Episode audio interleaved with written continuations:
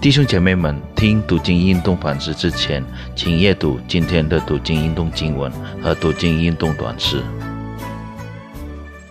亲爱的弟兄姐妹平安，大家都好吗？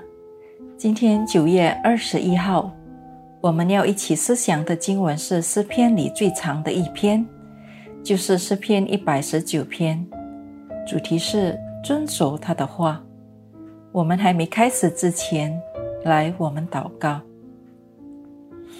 阿巴天父，谢谢你，你看守、保守我们的生活，我们享用的一切都从你而来。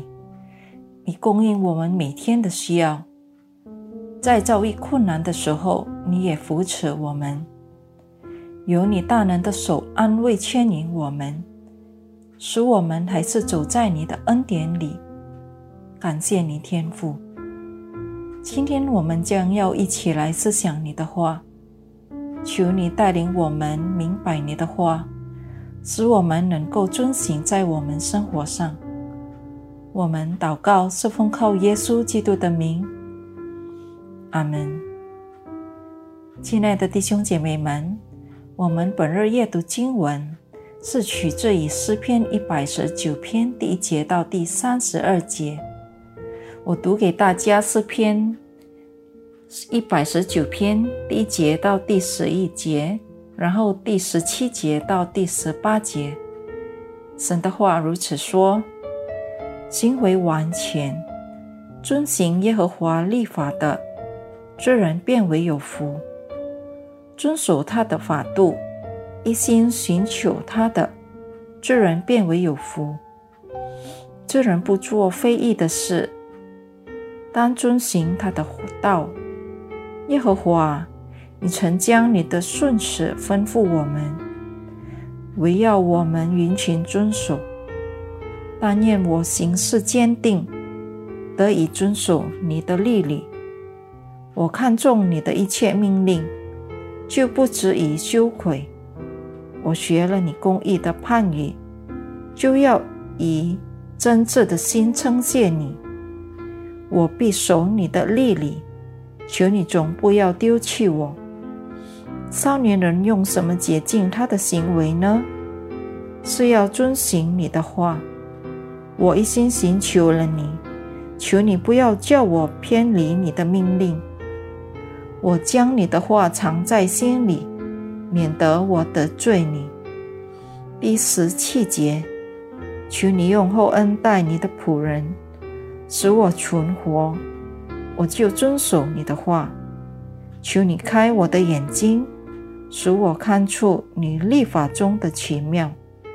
亲爱的弟兄姐妹，今天的本日经文，好几次诗人反复说明，遵守上帝话的人是变为有福的。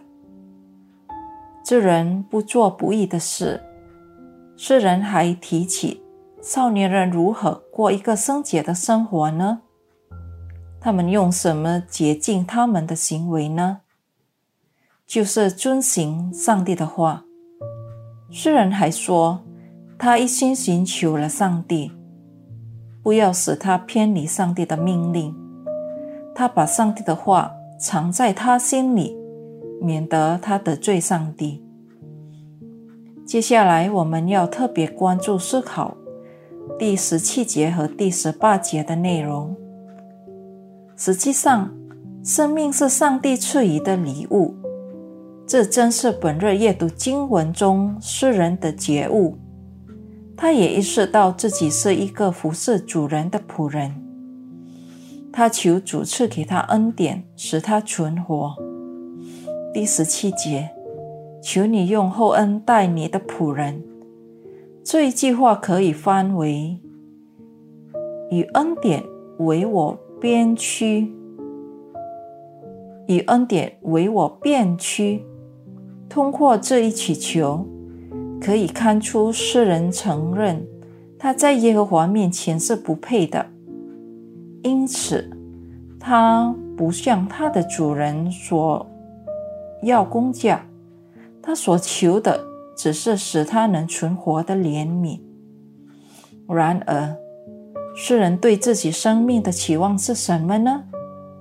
第十七节的下文可翻译为：“使我能遵守你的话。”诗人生命中的目标和喜乐是遵行主的话。换句话说，诗人想长寿，不是因为想要更久的享受世界的乐趣，或追求还没实现的野心。他想活得更久，也不是因为想犯更多的罪。这一点告诉我们。只有遵守上帝的话，生命才会更有价值。如果我们生命在上帝想要的圣洁之外，我们实际上就像死人一样生活。第十八节是诗人的祷告，他求耶和华向他揭示他立法的美妙和奇妙。这意味着没有上帝的恩典。罪人实际上是瞎的，无法理解上帝话语中的美妙。在罪前世之下的人，无法甚至不喜欢上帝的话。相反的，在思想的黑暗中，人类只将上帝的律法视为约束和限制他们犯罪的欲望和自由的条例。因此，诗人求上帝。赐予给他恩力量，让他能够认识上帝律法中所蕴含的美妙和深刻的意义，如同寻找存储在他生活中的宝藏一样。亲爱的弟兄姐妹，让本日阅读经文成为您生活的一面镜子吧。您是否像世人一样？视自己为仆人，自己的生命是属于主人的。如果你是上帝的仆人，您就应该按照您生命拥有者的旨意而活。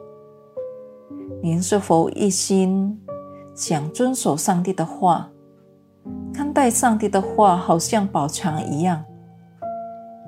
愿上帝帮助我们，我们一起来祷告。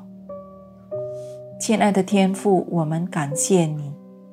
你的话今天提醒我们，我们的生命是属于你的，你是我们的主人，我们是你的仆人，我们应当遵守你的话，来为你而活，使我们的生命更讨你喜悦。求你加给我们力量，加给我们信心。使我们把你的话藏在我们心里，免得我们的罪孽。求你也打开我们的眼睛，使我们在你的恩典里看出你话语的美妙，一心遵守你的话。我们祷告，是奉靠主耶稣基督的名。阿门。亲爱的弟兄姐妹们，我们还没结束之前。我们来一起欣赏一首诗歌，《神的话》，愿上帝帮助我们遵守他的话。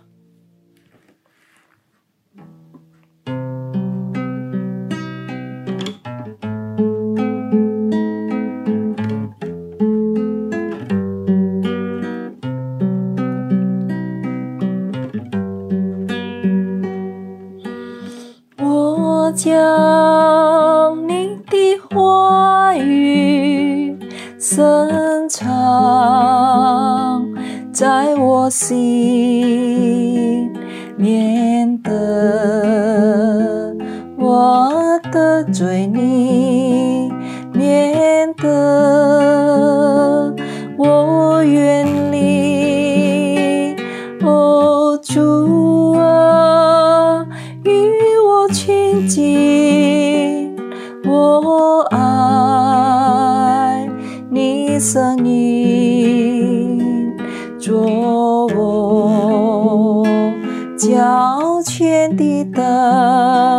做我路上的光。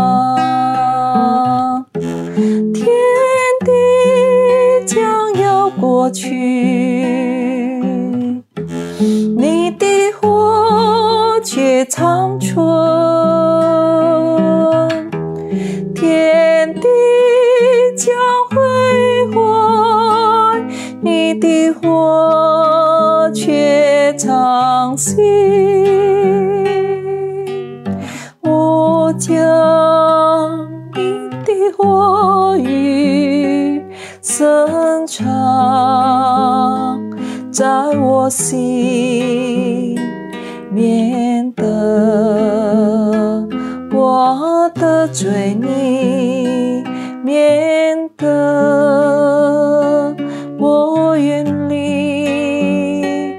哦，主啊，与我亲近，我爱你声音，